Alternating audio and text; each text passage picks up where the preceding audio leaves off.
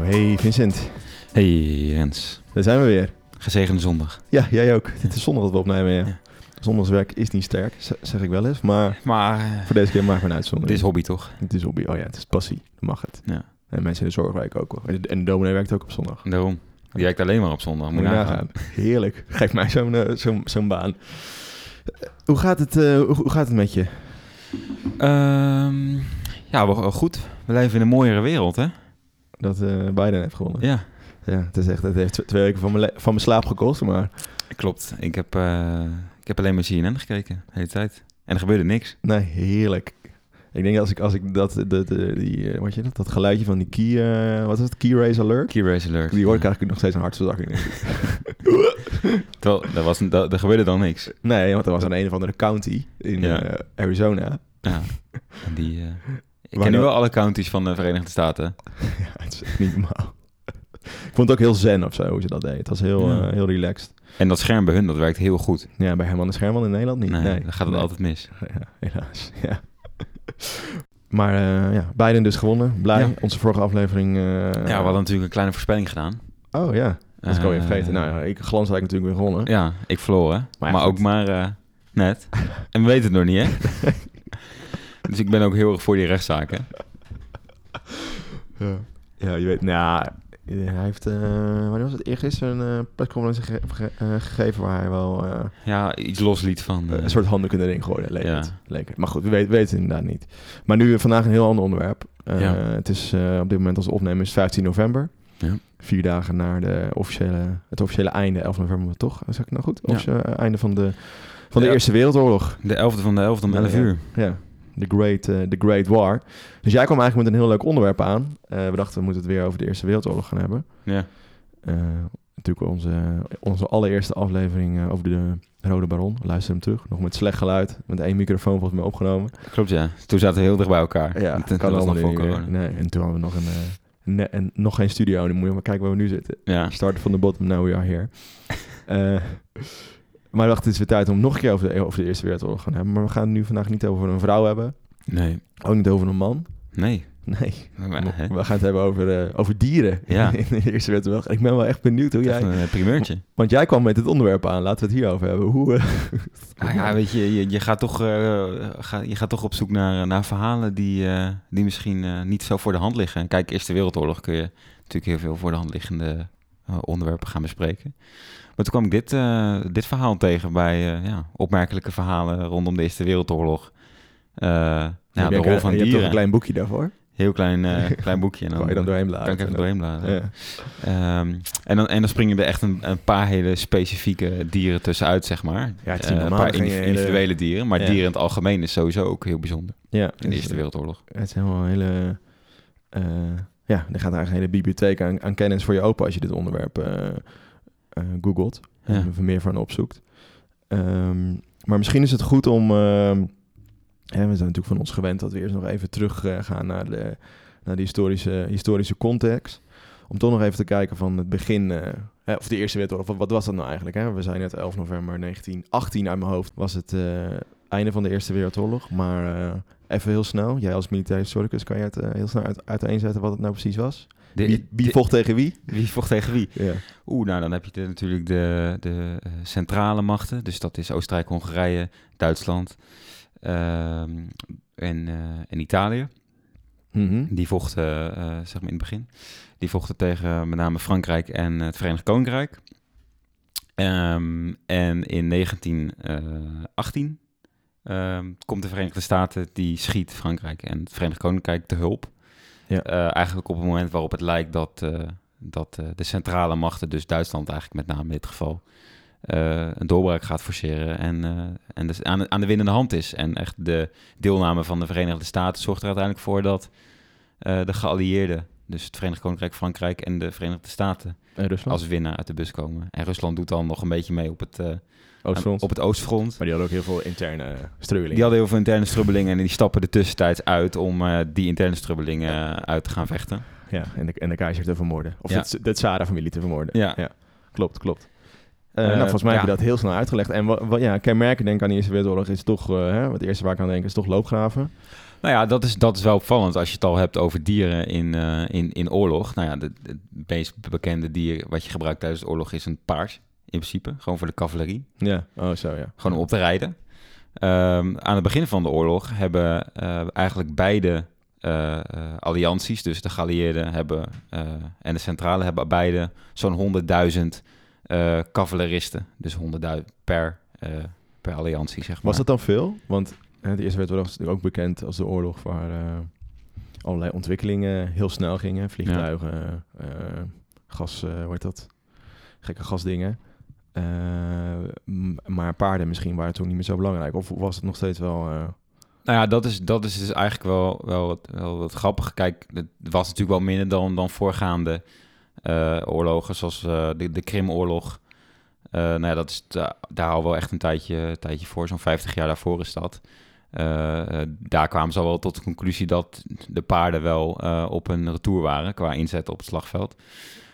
Maar opvallend is dat ze dus aan het begin van die oorlog in 1914 alsnog wel echt zo'n grote cavalerie eh, macht op de been weten te brengen, omdat ze toch denken dat dat relevant is. Ja. Ehm, en nou zijn ze ook best wel veel gebruikt nog in de Eerste Wereldoorlog, maar vooral niet, niet echt meer in Frankrijk, zeg maar, waar echt die loopgraven ehm, eh, waren, maar nog wel bijvoorbeeld in het Midden-Oosten. Eh, daar zijn ze nog wel veelvuldig gebruikt op die manier. mhm. Eh, ja, want in die loopgraven kwamen ze natuurlijk redelijk snel achter dat nou, door die loopgraven, door ingegraven posities en dan in combinatie met eh, het machinegeweer, ja, dat het een soort eh, charge met paarden niet heel effectief meer was. Nee, nee. Dat zag er best lullig uit dan. dat, paard zit vast in zo'n loopgraaf. Ja. Krijg je dat weer. Ja. Ehm, ik zag dat jij, tenminste, eh, jij vertelde net dat er een heel mooi, eh, nou, dat er eigenlijk best wel veel dieren werden gebruikt ehm, in de Eerste Wereldoorlog. Zou jij eens kort ehm, uiteen kunnen zetten eh, welke dieren dat waren en waarvoor ze dan in het algemeen werden, werden gebruikt? Nou ja, ehm, hè, wat ik zeg, de paarden, dat was over het algemeen nou, het bekendste dier voor op het slagveld. En die werden alsnog heel veel gebruikt, ondanks dat hun functie in die zin afnam. Eh, veranderde eigenlijk meer hun functie van een, ja, echt een soort eh, dier voor tijdens het gevecht, meer een dier voor op de achtergrond. Eh, met name voor, gewoon voor het vervoeren van, van munities, van grote kanonnen. Die werden soms met spannen van acht of twaalf paarden vervoerd naar de ene, van de ene naar de andere plek, voedsel. Ehm, sterker nog, voor het Verenigd Koninkrijk was alle, ja, hoe noem je dat, supplies, logistiek. bevoorrading, Ja. bevoorrading die uit Engeland kwam, dat het grootste deel daarvan was altijd eh, voedsel voor paarden. Dus dat zegt wel wat over... Echt, we kregen meer te eten dan de mannen. ja, die namen gewoon het grootste deel in, zeg maar, van, eh, van het schip Ja. wat daar naartoe ging. Ehm, en daarnaast had je dan nog honden. Je had kanaries, je had apen, gaan we ook nog zien. Ezels, ezels, kamelen. ossen, kamelen. Kamelen had je inderdaad vooral het Midden-Oosten. Ehm, eh, eigenlijk ook met hetzelfde doel. Daar werd ook nog wel op gereden, ook voor in de strijd. Maar ook echt met name voor het vervoeren van, eh, van bepaalde eh, ja, bevoorrading Ja, eigenlijk. dus echt, echt de, Ja. de logistieke kant. Ja, en dat waren dan de sterke dieren. En Ik zei al honden. Eh, die waren meer voor de wat, ja, wat specifiekere taken op het slagveld. Ehm, je had eigenlijk verschillende soorten taken wat betreft honden. De Duitsers die maakten, hebben tijdens de oorlog gebruik gemaakt van zo'n 30.000 honden. Eh, de geallieerden van zo'n 20.000 eh 20.000 honden. Ehm, nou ja, je had honden die deden aan eh, explosieve, eh, explosieve opsporing. Mhm. En door gewoon heel goed eh, te ruiken. Ehm, je had een soort wachthonden. Sentry dogs noemden ze dat.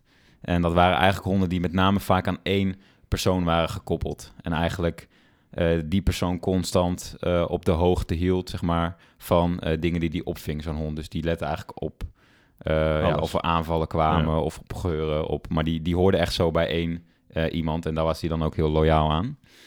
Nou ja, voor verkenning waren ze er, ook met name voor geluiden, geuren. Opsporing van gewonden deden ze. Dus ze gingen over het slagveld. En als ze dan iemand nog vonden die nog leefde, dan bleef ze daar gewoon bij. En dan gingen ze blaffen, zodat er hulp kon komen. Ja, ja. Ehm, wat er ook gebeurde, en dat is wel redelijk aandoenlijk, die eh, honden die gingen ook dat slagveld op om die gewonden te vinden. En als die honden al zo eh, slim waren van, nou, deze gaat, het, eh, deze gaat niet meer redden, hè, dan bleven ze daar, dan gingen ze niet om hulp roepen per se, want het kon ook gevaarlijk zijn. ja.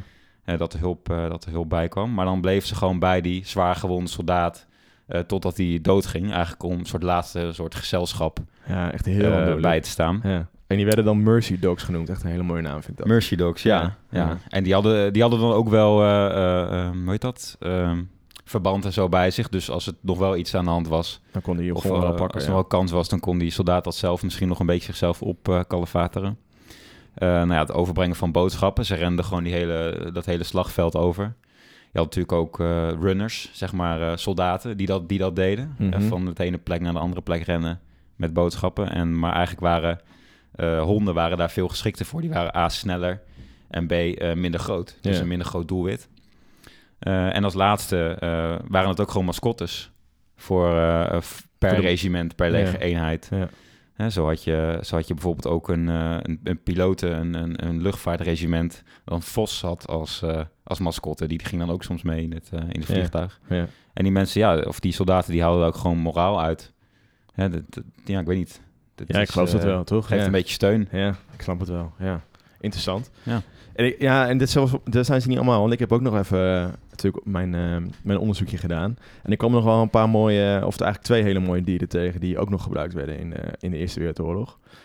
Of drie eigenlijk. De eerste, ten eerste natuurlijk de ratten. Er zaten enorm veel ratten in die, Ja. in die, in die loopgraven. Ehm, eh, en vaak werden die ook gevangen door de honden. En af en toe zelfs opgegeten, maar was niet altijd heel slim. Was ook echt wel een grote taak van die honden. Ja, gewoon echt die, Ja. die, eh, die ratten vangen. Ja. En, ehm, eh, maar die ratten hadden ook een soort waarschuwingsfunctie.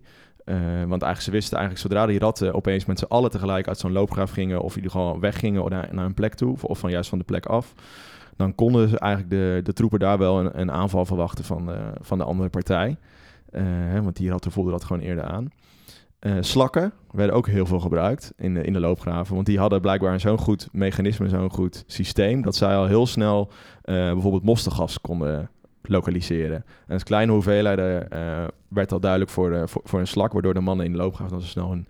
ehm, En, en hoe, hoe zie je dat dan aan een slak? Dat die, ja, je leest, dan, je leest dan dat hij in een soort van verstijfde houding komt. Hm. Dus ik moet me dan voorstellen, zo'n slak uit zo'n huisje... met die, die dingetjes die dan zo, hoe noem je dat? Die, eh, Die antennes. die antennes op zijn Die. Zo, wij, wij zijn duidelijk geen biologen. dat die zo heen en weer gaan. En, eh, en je leest dan eh, bijvoorbeeld zo'n stuk van een journalist uit In The Guardian... die dan zegt van ja, die, die, zo- die maakt dan duidelijk van ja shit, er is mosterdgas. En dat was dan nog te, te klein, of de, de, de, hoe- de hoeveelheid was te klein om echt te ruiken voor de troepen zelf. Maar dan, daardoor konden ze wel weten van hé, er komt... er komt een, een, een gasaanval aan of een gifaanval. En het laatste is de, is de walvissen. Dat vind ik ook wel heel interessant. Natuurlijk werden die gebruikt eh, voor het eten. Op een gegeven moment, hè, eh, als Ja. eten schaars wordt, dan eh, ga je natuurlijk zoveel mogelijk eten. Ja, levertraan. Levertraan, maar ook de olie werd weer gebruikt voor bepaalde bommen door beide partijen, maar vooral door de Duitsers. Ehm, maar de walvissen werden ook gebruikt als oefening. Eh, want stel je voor, je zat in een vliegtuig. Hè, je weet misschien wel, in de Eerste Wereldoorlog waren er ook heel veel onderzeeboten. Een enorme strijd op het, op het water. En ehm, die omvang van een walvis, die leek wel een beetje op een, op een onderzeeboot vanuit een vliegtuig. Dus ze gingen gewoon eh, die onderzeeboot, of die, die walvissen gingen ze gewoon bombarderen ter oefening om te kijken van nou, zo moet je richten uit een vliegtuig op een onderzeeboot. En er zijn enorm veel ehm, walvissen aan, eh, aan overleden. Ja. En denk dat het wel goed is om nog wat cijfers te noemen. Uiteindelijk hebben er waarschijnlijk ze- 16 miljoen dieren echt ges- ge- hè, meegedaan in de Eerste Wereldoorlog, gesurfd. Als, als, ja. Ja. En zijn er aan de, aan Engelse zijde waarschijnlijk zeker 500.000 eh, paarden, kamelen, ezels en eh, ossen eh, overleden tijdens de Eerste Wereldoorlog. Dus dat is echt Ja. een enorme... Ja, ik vind het wel, ik vind het wel of, want die, die getallen die je daarin in ziet, die, die wijken nogal wel redelijk Ja. af uit elkaar. Ja, Ik heb ook ergens gelezen dat er 8 miljoen paarden zijn gestorven tijdens de Eerste Wereldoorlog. ja maar dit is natuurlijk alleen maar wat ik zei aan Engelse zijde. Aan Engelse zijde, maar goed, Ja. als dat er 500.000 zijn, dan Ja, ja. dat is waar. waar de rest dan vandaan komt. Maar dat, En je leest dus ook wel hele mooie, hè? stel je voor, je, je, je verdiept je, je hebt tijd, en kijk een keer in alle krantenartikelen en dat je leest je echt van Engelse huisvrouwen bijvoorbeeld, hè, er staat er dan huisvrouw, dus het is gewoon Ja. een Engelse vrouw, die dan zegt van eerst hebben ze mijn man afgepakt, toen mijn zoon, want die moesten eh, dienen in het leger en nu zelfs mijn hond, want die is ook meegenomen door Ja. het leger om ook... alles wat bruikbaar was, Ja. eh, moest gebruikt worden. Ja. Ja. Interessant. 175.000 walvissen zijn er, eh, Oh ja, zijn er omgekomen. ja, moet je nagaan. Met name door die productie inderdaad van voor eten en en voor bommen eh, het, of, te maken. Ja. Niet door dat bombarderen, dat, dat, dat viel natuurlijk wel iets mee. Maar Dus dieren hebben wel echt een, enorme rol gehad in deze Ja. Eerste Wereldoorlog. En wij dachten, misschien is het leuk om, om even drie specifiek uit te lichten. Want jij zei al in het begin al, er waren ook dieren als een soort, hè, hoe zeg je dat? Die een, eh, echt een eigen leven gingen leiden en namen en een soort helden werden in de, in de Ja, we hebben natuurlijk nu vooral gehad over de algemene, algemene eh, soorten dieren. Waar, overigens de duiven, die moeten even nog een Oh, nee. eer- eervolle vermelding hebben. Vandaag is er trouwens een bosduif verkocht in België voor 1,6 miljoen. Dat is misschien een goede business. Voor dat kan me je- best voorstellen. Als je je verveelt. Want in de Eerste Wereldoorlog hadden de duiven 95% eh, eh, eh, succespercentage van eh, berichten die aankwamen. Eh, wat niks kon, eh, kon overtreffen. Hè? Eh, telegraaflijnen of 95%, ongelooflijk. telefoonlijnen, dat was allemaal veel te kwetsbaar. Dus die, die, die duiven werden meegenomen uit Engeland. En die, of, of van- vanuit een andere plek, misschien iets verder van van het slagveld af. En op het moment dat je die losliet, vlogen ze natuurlijk gewoon naar huis. En, en hebben daarmee heel veel boodschappen overgebracht. Ehm, op een gegeven moment heeft het Duitse leger zelfs nog haviken getraind Mhm. om die, die duiven weer eh, eh, aan te vallen, zeg maar. Om die op te sporen en aan te vallen. Echt? Dus dan ben je echt weer op een heel ander soort... in een marginale eh, regio van de oorlog strijd aan het voeren. En in Engeland werd het op een gegeven moment strafbaar... om zo'n postduif iets aan te doen of te vermoorden. Dan kreeg je gewoon zes maanden celstraf. Omdat ze gewoon zo ja, vitaal waren voor, voor de oorlog. Ongelooflijk. Berichtgeving in ieder geval. Het is wel echt een, eh, het is echt een great war, echt een total war. Ja. De hele maatschappij, inclusief het dierrijk, werd ingeschakeld om, Ja. eh, om deze oorlog te beslechten. Ja. Ik heb ook nog een, een foto gezien van een olifant. Die eh, als lastdier fungeerde. Dat- ja, het leek meer op een publiciteitsdingetje, dingetje denk ik. Van zelfs de olifanten doen, doen mee tegen het Een oprukkende soort Hannibal. kwaad. Ja. Ja, ja je ziet Maar- ook, je zag ook wel eens, tenminste je ziet ook nog wel eens foto's van honden die eh, bepaalde, nou eigenlijk een soort kamikaze honden, dus die bepaalde bommen bij zich droegen en eh, gewoon eh, vol gas op een tank bijvoorbeeld afgingen en daaronder gingen zitten en eh, dan ontplofte die bom. ja. Dat zie je ook nog wel. Dus het is op allerlei aspecten eh gebeuren er eh, eh, dingen met eh, dieren. Maar wij dachten misschien is het leuk om er even drie eh, extra aandacht te geven en even uit te lichten. Ehm, wil jij beginnen? Eh, zal ik maar beginnen met mijn eerste. Want jij hebt natuurlijk jij hebt echt een prachtig eh, verhaal. Laten we die voor het laatst bewaren. Die doen we dan na de quiz. Dan gooi er even in. En doen we die eerste eh, twee van mij. En wil ik graag beginnen met, eh, met een varken. Want die hebben, daar hebben we nog niet over gesproken. Nee. Een varken, het varken Die waren denk ik ook niet helemaal in, in grote getalen aanwezig. Nee, nee, wat je leest is eigenlijk dat varkens vooral werden gebruikt op de marineschepen. eh, als, ook bijvoorbeeld als eten. Hè. Die, eh, die scharrelden dan gewoon lekker rond. En op een gegeven moment werden die één voor één afgemaakt. Zodat het, Gewoon pulled pork. dat die mensen lekker een bootje poepork eh konden eten. En ehm, het varken Tirpitz was een Duits, eh, wa- was een Duits varken. En eh, die was dus eh, en die was aan boord van de, van de German, van het Duitse schip, de SMS Dresden. Totdat dit schip zonk. En zoals je weet was er ook een enorme strijd op het water en, schonken, en zonken er vele, vele schepen. En in maart eh, 1915 eh, schonk, zonk dit schip ook. En uh, en varkens kunnen best wel goed zwemmen.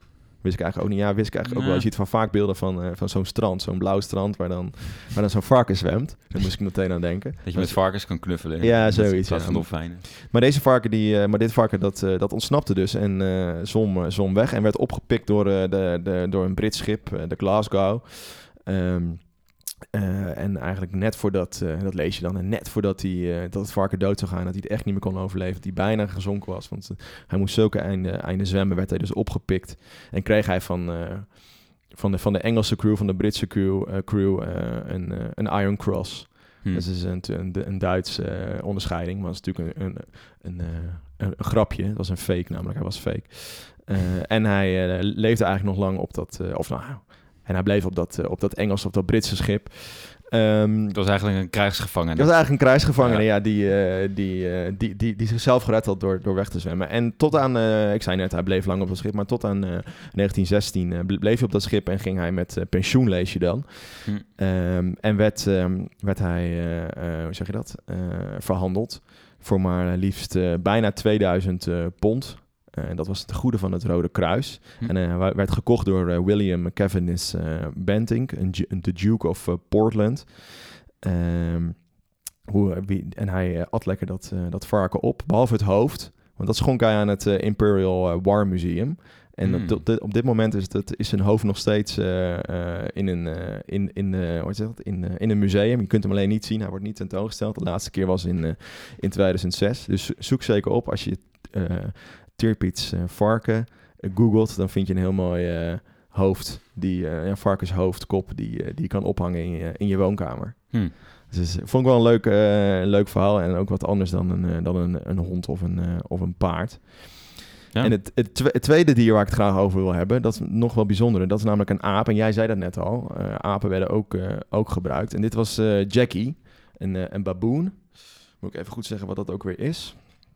Volgens mij is dat een uh, baviaan. Ja, dat Ja, klopt. zo'n ik heb, soort baviaan. Ik heb het even gegoogeld voor de het is gewoon. Engels voor baviaan. Ja, ik moest Ja, nee, ik zei al, ik ben geen bioloog, hè, dus eh, ik weet het allemaal niet. Nee. Maar het is dus een, eh, een, een, een, ba- een baviaan die ehm, vanaf augustus 1915 eh, meevocht in de oorlog. Hij ging mee met zijn, ehm, met zijn, eh, ja, met zijn baas eigenlijk, Albert eh. Eh, die vocht in het, eh, in het Transvaal-regiment. en zoals je misschien weet, eh, Zuid-Afrika deed ook mee in, eh, in de Eerste Wereldoorlog.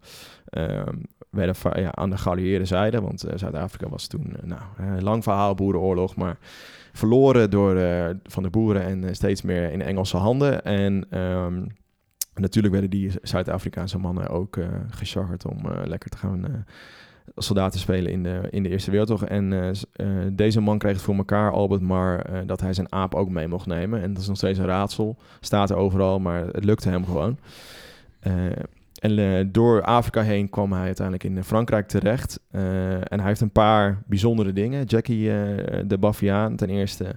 eh, hij had altijd een uniform aan. Tenminste, al die foto's. Je ziet echt, eh, hij is echt een Ja, hij soldaat. ziet er goed uit. soldatenuniformpje. Hij, kan, eh, gewoon, hij heeft manieren. Hij kan namelijk met mes en vork eten. Weet hoe hij thee moet drinken. Maar vooral, hij weet ook hoe hij moet salueren voor zijn meerdere. Hè? Dus zodra hij een officier langskwam, ging hij in de houding staan. Zijn voeten uit elkaar.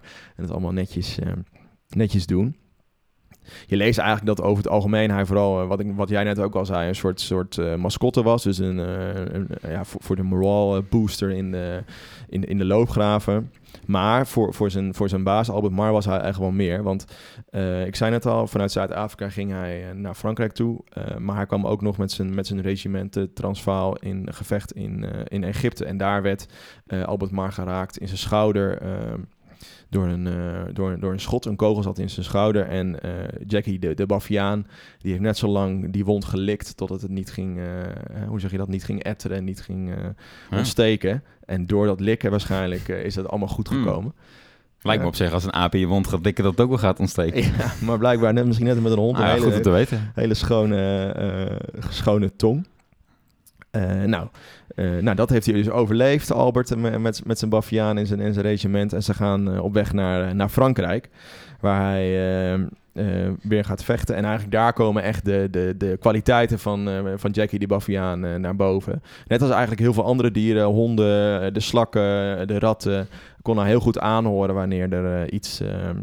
eh, iets aankwam, een aanval, of, of in ieder geval hij, hij rook of hoorde dat op het, eh, op het juiste, juiste moment. Ja, dat is wel een beetje die gemene deler ook, hè, die je vindt met waarvoor dieren gebruikt worden. Echt voor Ja. die, voor die, vooral voor die zintuigen die mensen niet, eh, Nee. niet bezitten. Nee, en, en, en specifiek voor de aap, voor, deze, voor Jackie de aap, voor de Baviaan, was ook nog dat hij heel goed in, in, de, in de nacht kon kijken. Had hele goede night vision, Ah, Dat lees je dan. En waardoor hij ook heel goed kon zien of er iets gebeurde en wat er aankwam. En heel goed dus op wacht kon staan met zijn eh, baas Albert, eh, hm. Albert Mar.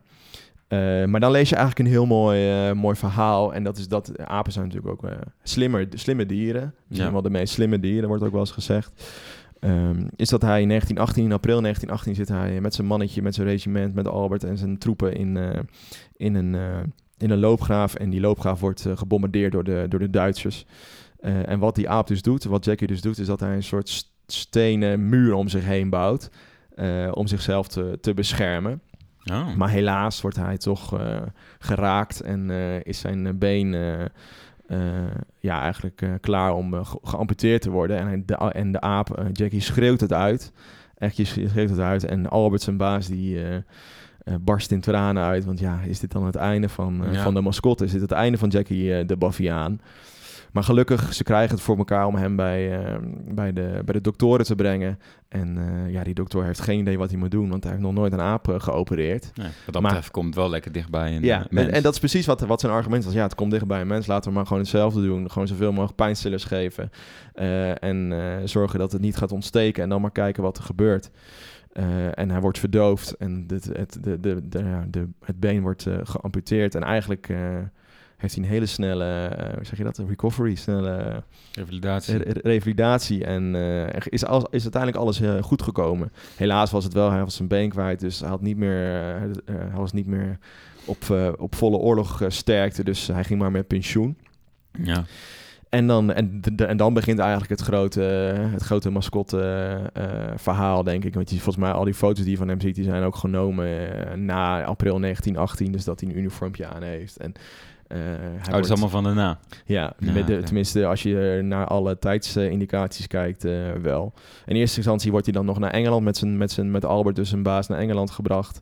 Eh, krijgt hij, wordt hij daar nog in een mooie parade na de vrede. Krijgt hij nog een mooie parade waarin hij eh, vol in de, in de spotlight staat. En daarna gaat hij eh, echt met pensioen in, eh, in Zuid-Afrika. En wordt hij daar ook echt ingezet als, eh, als een oorlogsmascotte. en dan is ook wel een beetje als, eh, als propagandamateriaal. En uiteindelijk ehm, overleeft hij, eh, overleed hij. Eh, en dat is ook nog wel een bijzonder verhaal. Z- zowel Albert als Jackie hadden last van eh, posttraumatische stressstoornis, wat vaak gebeurde eh, van soldaten. Ja. Ehm, dus bijvoorbeeld bij hartgeluid schrok hij heel erg. en op een gegeven moment in 1921 eh onweert het zo hard. zo, en slaat de onweer zo dichtbij zijn plek in waar hij slaapt... dat hij waarschijnlijk door een hartaanval is overleden in zijn slaap. Hm. En dat was het einde van, van Jackie. Eh. Hm, dat is niet heel eh, lang na de oorlog. Nee, eigenlijk. 22 mei 1921 is hij Ja. uiteindelijk eh, overleden. Dus wel, maar wel ook wel bijzonder dus dat hij een posttraumatische eh, stressstoornis had. Echt dus het shell shock wat je heel veel, Ja. heel veel soldaten hadden. Dat syndroom had hij, had, had hij ook last van. Of syndroom is niet het goede woord, maar Mhm. Ja. had hij ook. Dus dat is wel ehm, een bijzonder verhaal denk ik voor, voor een aap. En de- hij was ook dus bijzonder waardevol voor, voor, zijn, voor zijn regiment en vooral Ja. voor, voor zijn baas Albert eh, Mar Ja. de Zuid-Afrikaanse soldaat. Mooi hè? Mooi verhaal. Ja. Ja. en tranen. Misschien moeten we Ja. even- Even, iets, iets luchtigs. even iets luchtigs tussendoor doen. Ja. Dus misschien is het wel tijd voor de quiz. Maar je hebt het boek al eh, voor je liggen. Ja. Heel goed. Zo, het is dan weer, eh, weer tijd voor de quiz. Ja, even schakelen naar de dood van, eh, van Jackie eh, de Baviaan. Nou, het, het me nog steeds wel een beetje aan, moet ik Ja, ik zie het aan je. Ja, Ik had echt gehoopt van, hij leeft nu nog in, in de dierentuin van Johannesburg en hij heeft het super naar zijn zin. En Hij is ontsnapt hè, twee weken geleden uit. uit in Amersfoort. soort. nou, daar hebben we het daar niet over. Nee. voor dat, eh, nee, ehm, Was, eh, gelijk stand nog steeds, toch? Ja, want de, antwoorden- de vragen van vorige week, of voor, vorige keer waren zo moeilijk dat eigenlijk Ja. niemand had het, ook op, onze, op Instagram had niemand het goede, het goede antwoord gegeven. Daar voel ik mezelf ook wel iets beter van. Ja, ik ook. Ik zat even in zak en as, maar daarna Ja. eh, was het fijn dat niemand het... er werd wel veel gegokt, maar niemand heeft het ook goed gegokt. Ja. Eh, de Hunnen waren namelijk het, eh, het nomadische volk dat, eh, dat de, de Gupta's, de Gupta's ondermijnden in eh, India. En de Denen hielpen de, de. Slavische volken om de oostwaartse beweging van het Heilige Roomse Rijk tegen te houden ja, in de 1983. Denen, vol people. Ja. Ja. Kom er maar op. Het zijn wel twee onderwerpen waar, waar, waar ik dus, en volgens mij jij ook echt niks van weet. Nee. En we hebben ook even gevraagd van, is dat dan een leuk onderwerp om, eh, om een keer te behandelen? En daar Ja. werd wel eh, positief, heel positief op gereageerd. Ja. Dus als je, weer de boeken in. ja, dus, maar ook als je denkt van, hé, hey, ik weet dat over eh, het, Deense volk rond 1000, of ik weet dat over de Hunnen eh, rond, was het volgens mij 500, of ik weet überhaupt iets over, eh, over de Gupta's of Centraal-Azië, laat het even weten. Want misschien kun je wel een keer leek van de week zijn in deze Ja. gloednieuwe studio. Misschien wel leuk, toch? Ja, expert van de week. Ja, expert van de In dat- week. in- ja. Dus dan zijn wij gewoon een keer stil. Oh, ja, Gaan we gewoon lekker wel wel luisteren. lekker. Ja, Toch? anders kun je nee, niks voor te bereiden. Nee. Even kijken hoor. Eh, ik heb hier het eh al onbekende boek weer in mijn hand. Ja. Eh, het Wereldgeschiedenis quizboek met duizend en één vragen. Dus ik ga bladeren en dan mag je even stop zeggen. Heeft het boek echt duizend en één vragen? Mm, ik heb ze nooit geteld. Nee, ik ook niet. Het maar is- misschien als ik in de kerstvakantie of zo Ja, misschien wel een keer een dag over heb, dan Ja. ga ik ze even vertellen. Ja, is goed. Ik, ja, stop. Oh, is, nou, nee, dus dit is weer helemaal achteraan. Dat is misschien. Of is dat wel lekker? Of, ja, ik was wel lekker misschien. Dat ik even. eh Nou, het is 1600 tot 1799, dat valt me reuze dacht mee. even dat het weer eh, van Nee. de tijd van nu was. Eh, tussen 58 en 70. Doe maar. eh 69. Dus, even kijken. Eh, welk groot bezwaar koesterden de Britse kolonisten in de jaren 60 van de 18e eeuw jegens het Britse bestuur? Hè? Nou ja, dat is lekker algemeen. Welk groot bezwaar? Ja, een, ze, hadden, ze, ja, ze hadden gewoon een heel groot bezwaar tegen, nou ja, eh, iets wat je misschien wel zou kunnen eh, verzinnen. Ja, Daar leg ik er wat druk op, maar eh, welk groot bezwaar koesterden de Britse kolonisten in de jaren 60 van de 18e eeuw jegens het Britse bestuur? misschien is het wel een beetje vroeg, maar misschien is het toch wel In principe, slavernij. mm, in principe de jaren 60 van de 18e eeuw, dus eh, 17, zo rond 1760, eh, Britse kolonisten. Ja, dat, dat, kunnen, dat kan van alles zijn natuurlijk, maar eh, bijvoorbeeld Amerikanen of... eh, Oh, ja. Niet geen heel veel. eh, dit is een slavernij is niet goed. Ook niet in, eh, Nederland met. eh daar hadden ze wel ruzie mee toen de tijd wel verschillende oorlogen. Maar dat is misschien toch de onafhankelijkheid van. eh, of de vrijheid of beslisbevoegdheid van de Amerikaanse staten. nee, Amerikaanse. eh, of de, de mensen die toen in Amerika woonden. nee, nee, nee, dat is niet goed. Nee. nee ja. Ik zie het aan je gezicht, Ja. helaas. Helaas. Nou, dan kan jij eh, een voorsprongetje pakken. Ja. Zin in? Eh, ja, ik heb er wel vertrouwen in, maar waarschijnlijk wordt het een hele moeilijke vraag. Of zo'n hele makkelijke en dan heb ik er ook niet echt plezier aan. Willem van Oranje. Oké, zeg maar eh, stop. Stop. Oeh, 1815, ah, 1850, 1899. Een vraag tussen Oeh, de 1 en leuk. 6. Eh vier. Het, me- oh, een meerkeuzevraag. Jij, jij mooi. eh, Oeh, dat is fijn. leuk.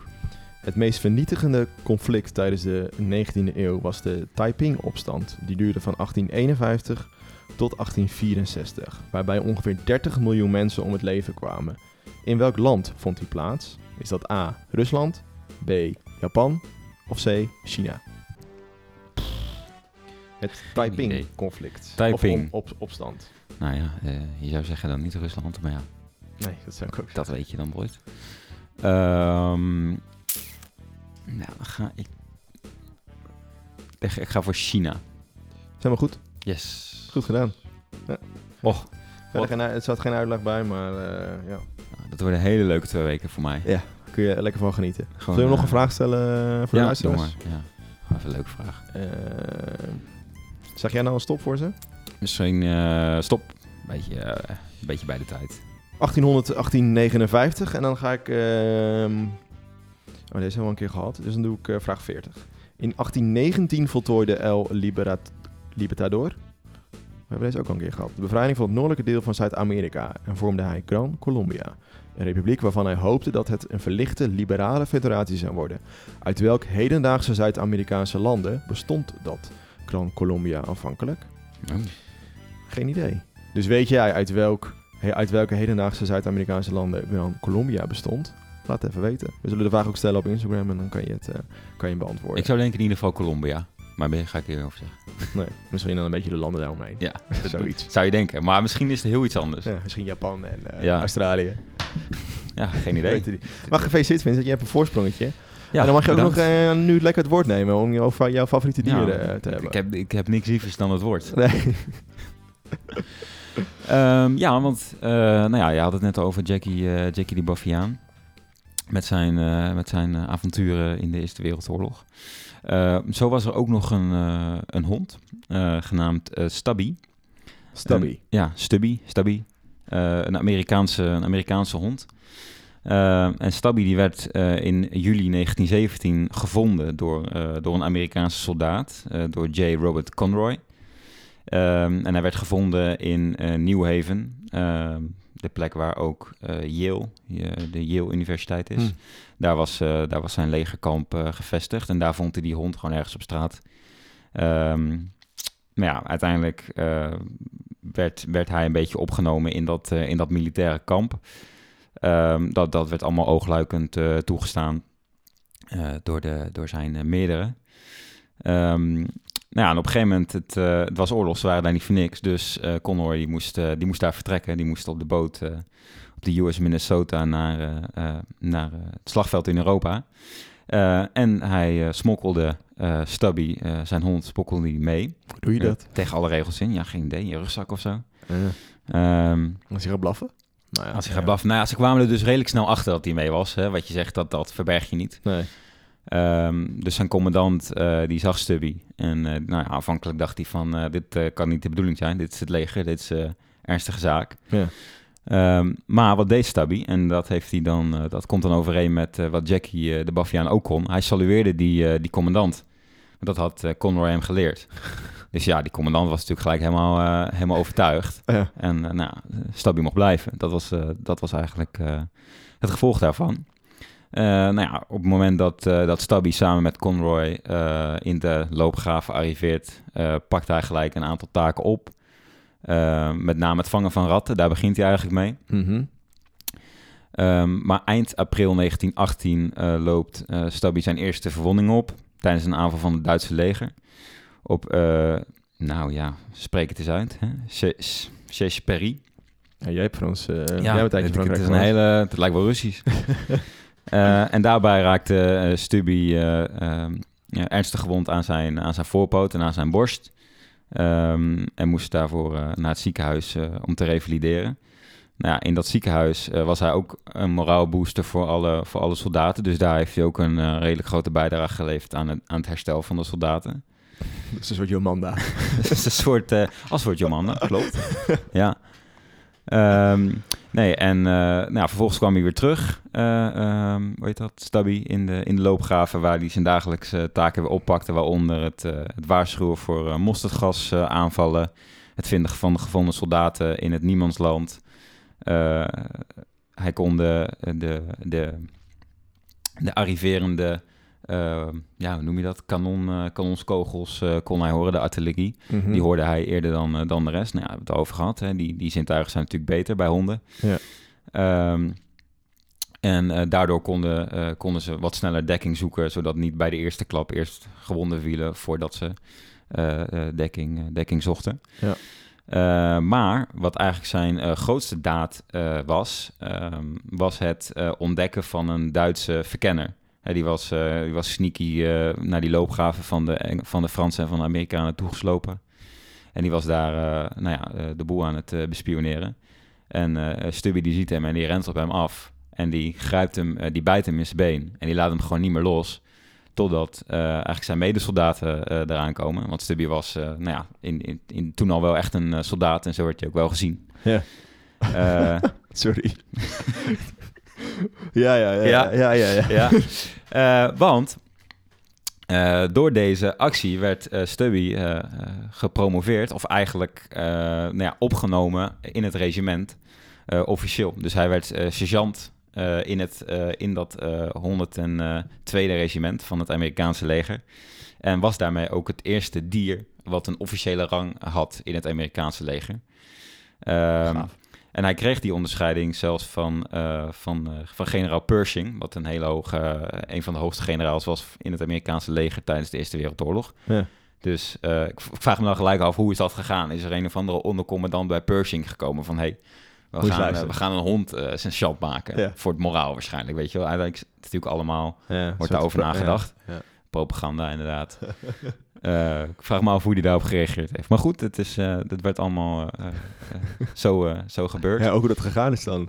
Met een hondenblokje of zo naartoe gelokt. En ja, dan, hey, nou ja, hij had al, en daar zijn, kun je foto's van, uh, van vinden op internet. Hij had al een soort vest uh, waar ook allemaal speltjes al op zaten. Mhm. En uh, nou ja, daar werden die strepen dan, die sergeantstrepen opgezet. Ja. En op dat moment ehm, was hij de meerdere van, van Conroy, van zijn baasje eigenlijk. Want die was gepromoveerd ondertussen tot corporaal. Maar goed, dat is natuurlijk echt wel een aantal rangen lager dan, Ja. dan sergeant. Dus dat is wel grappig eigenlijk. Um, ja, toen was de oorlog over. Um, en um, keerde Stubby terug. Hij heeft de oorlog overleefd, zijn baas ook, Conroy. Hoi. Uh, en bij terugkomst werd uh, Stubby ont, onthaald als een, als een enorme held. Hij werd ook nadrukkelijk gevolgd in de Amerikaanse pers, ook al tijdens de oorlog. Was hij al verworden tot een soort propagandafiguur. Uh, en hij ontmoette zelfs de Amerikaanse president Woodrow Wilson. Had hij een ontmoeting mee op het, op het Witte Huis. ja, hoe gaat dat, hè? Ja. Ik bedoel, eh, in de verhalen kun je het allemaal best wel menselijk maken, zeg maar. Want het is een sergeant en hij doet dingen, maar Ja. uiteindelijk is het gewoon een hond. Maar Ja. goed, Eh, maar met Woodrow Wilson... Zou die nou met u, zou die, zou die u gezegd hebben tegen Woodrow Wilson? Of, eh, of Ede ik Achtbare? weet niet, gewoon gesalueerd, denk ik. Want dat kon niet. Ja, ja. Hoe, doet, hoe Eh, doet een hond dat dan? Hm? Hoe, hoe gaat een hond salueren dan? Ja, gewoon met voorpoten en dan, eh, ik weet niet. Gewoon die voorpootjes mogen dan kantelen, Eh, denk ik, of zo. zoiets, ja. Ehm, nee, en eh nou ja, Woodrow Wilson was daarbij. Ja, dat hadden we het vorige, vorige aflevering eh, natuurlijk waar we het over hebben gehad. Eh, Harding en Coolidge, dat waren de twee voorgangers van, van Wilson. Die waren En- daar ook bij aanwezig. Dus en werd- Edith? Edith, die, ja, die was daar vast wel bij aanwezig. Die, Die heeft waarschijnlijk de deur open gedaan als gastvrouw. Klopt, ja. Voor de ja, hond, ja. Even een brokje gegeven, jas aangenomen. En je weet hoe dat gaat als honden naar het Witte Huis op staatsbezoek komen. Eh, en daarnaast was hij, eh, net zoals eh, Jackie, eigenlijk ehm, ook onderdeel van tal van homecoming parades. Ja. En dat hij echt voor op zo'n prauwwagen stond. En nou ja, mensen waren gewoon vooral heel trots op hem. Ja. Ehm, uiteindelijk stierf Stubby in 1926. Ehm, dus uiteindelijk daarna Oh, ja. nog best wel eventjes geleefd. En is hij dus ongeveer tien jaar geworden. Eh, op het moment dat Conroy hem vond, eh, ze weten het niet precies, maar hij was waarschijnlijk echt maar een aantal weken oud pas. Oh, ja. ja. Ehm, waarschijnlijk van een zwerfhond of zo. En toen gewoon ja, eh, een wees, Ja. wees geraakt. Ehm stierf hij in de armen van, van zijn baasje van het eerste uur, van, van Robert Conroy. Ehm, en zelfs in 1926 eh, werd het eigenlijk nog duidelijk dat Stubby nog steeds echt onderdeel was van, de, van het collectief eh, geheugen Mhm. van de Amerikanen. En dat hij nog steeds in hun, in hun harten zat. Want eh, op de sterfdag van, van Stubby publiceerde de New York Times gewoon een hele grote overlijdingsadvertentie van een pagina groot in de New York Times. En wat naar verluid, hè, je moet me aannemen wat, wat de bronnen zeggen, maar eh, niet, niet veel voorkwam bij, eh, echt bij mensen bij wie mij misschien een grotere statuur eh, toekennen. Die hadden minder ruimte op de New York Times. Dus Zoals Woodrow echt- Wilson. Zoals Woodrow Wilson, ja, die Ja. had ergens onder een kleine... Ja. Nee. nee, maar ja, dus Stubby was, was zelfs tien jaar, of nou, ja, kleine tien jaar na de oorlog, nog steeds heel bekend in Amerika. En werd hij nog steeds geprezen voor al zijn, voor al zijn heldendaden, waarbij het, nou ja, het voorval met die Duitse verkenner het grootste voorbeeld is. Maar tal van andere taken heeft gedaan die we eigenlijk eh, genoemd hebben. Leuk, leuk. En, en hij is nog steeds eh, bekend, want jij hebt vanmiddag een film gekeken over hem uit 2018. zei je Ja, net. er is een eh, soort animatiefilm over hem gemaakt, wat best leuk is. Hè? Het is wel heel erg geromantiseerd. Ehm, maar eh, ehm, het, het geeft ook wel een mooi beeld, denk ik. Zeker voor kinderen. Het is best wel een kinderfilm. Maar Mhm. het was nog wel leuk om te kijken voor, over, de, over de Eerste Wereldoorlog, zeg maar. Hoe dat een beetje ging. En nou, En hoe gaat het dan met, die, met dat stukje van die Duitse verkenner? Eh, zie je dan, eh, wordt dan die, eh, zie je dan wat er met die verkenner gaat gebeuren? Of, nee, die wordt Oh. gewoon gevangen genomen en die, Oh, ja. die zie je daarna niet meer terug. Nee. Er worden eigenlijk heel weinig mensen gaan de dood in. Het is echt wel een kinderfilm. Ja, ja. Leuk. En zou dat dan speciaal gemaakt zijn omdat dan 100 jaar geleden die oorlog afgelopen was? Ja, het, het is ja, 2018, dus Ja, het best kunnen. 2019, ja. ja, ja. Ja. Nou, interessant, leuk. Ja. Ja, dus dieren hebben dus echt wel echt een belangrijke rol gehad. Al was denk ik voornamelijk dus misschien wel conclusie als mascotte. Of Ja. dus het moraal voor, voor alle soldaten te, te boosten. Eh, en wat mij, mij dus wel opvalt in al deze verhalen, want er zijn echt heel veel verhalen van, van dieren en ook nog, laten we zeggen, veel persoonlijke dierenverhalen Ja. eh, van de Eerste Wereldoorlog, maar bijna niks van de Duitse kant. Nee, wel weinig. Ja. Ja. Misschien dat zij... eh, ja, nee, ja, ik kan daar gewoon heel weinig zinnigs over zeggen. Maar Nee. ik kan me zo voor... zij waren natuurlijk wel een, een ernstiger volk, heb ik zo altijd het idee. Gewoon wat serieuzer. Ja, de, de, daar Zij schreven daar niet over. Gewoon echt niet toegelaten. Nee, ze gebruikten ze gewoon om, omdat ze heel praktisch waren. Bijvoorbeeld Ja. voor die zintuigen. Ja. Maar- Maar, in, de tweede, in, de tweede, in de Tweede Wereldoorlog verandert dat wel weer. Tenminste, je ziet ook heel veel verhalen van dieren in de Tweede Wereldoorlog. En dan eh, is, het echt als propagandamiddel. Ja. Echt, echt die booster. Die, Ja. die moraal booster. Maar eh, ja, grappig, interessant. Ja, leuk. Ik vond het een leuk onderwerp. Was ook leuk om over te lezen. Oké, wat Eh, anders. Ja, een keer wat anders. Misschien moeten we het vaker over dieren gaan hebben. Ik ben benieuwd of jullie nog, eh, of er nog andere, of mensen nog andere verhalen weten van dieren in de Eerste Wereldoorlog. Ik heb in ieder geval een hoop geleerd. Van Nou, jou ook. Ja ik, ook, ja, ik ook van jou. Maar dat, dat, eh, zo gaat het gewoon natuurlijk elke keer. Hè? Ja. Je leert een beetje van elkaar. Samen komen we verder. Ja. samen, samen, samen met z'n allen.